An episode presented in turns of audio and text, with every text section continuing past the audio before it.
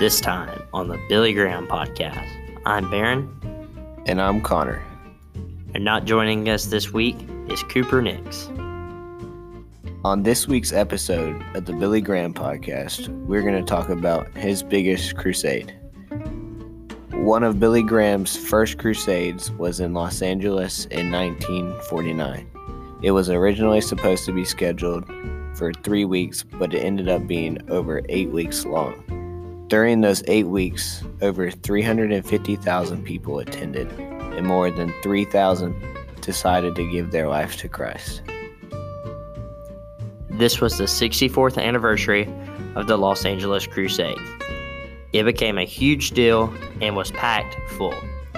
With this being Graham's first huge crusade, you could only imagine him being a basket full of nerves.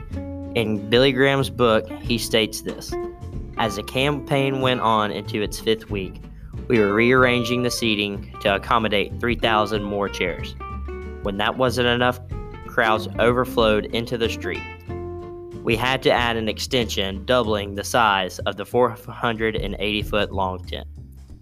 Billy Graham didn't really know how he felt about this crusade and was worried, but he said this Drained as drained as I was physically, mentally, and emotionally, I experienced God's unfailing grace in perpetual spiritual renewal. I wanted the campaign to close, but I was convinced that God wanted it to continue.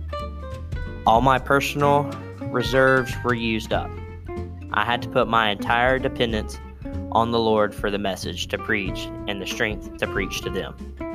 It seemed that the weaker my body became, the more powerfully God used my simple words.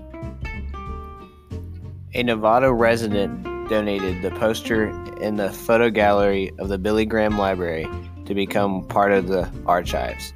These were sent to the residents in Los Angeles area in 1949. This crusade was one of Billy Graham's most famous crusades. This crusade was actually one of the most famous American American crusades in American history. With all of this being said, Billy Graham's first crusade summed up a whole life of him preaching and led up to all of this. When he started this, I'm sure he was not expecting his ministry or him to become as famous and affect the people that he did off of this one crusade. Join us next week on episode 3 of the Billy Graham podcast.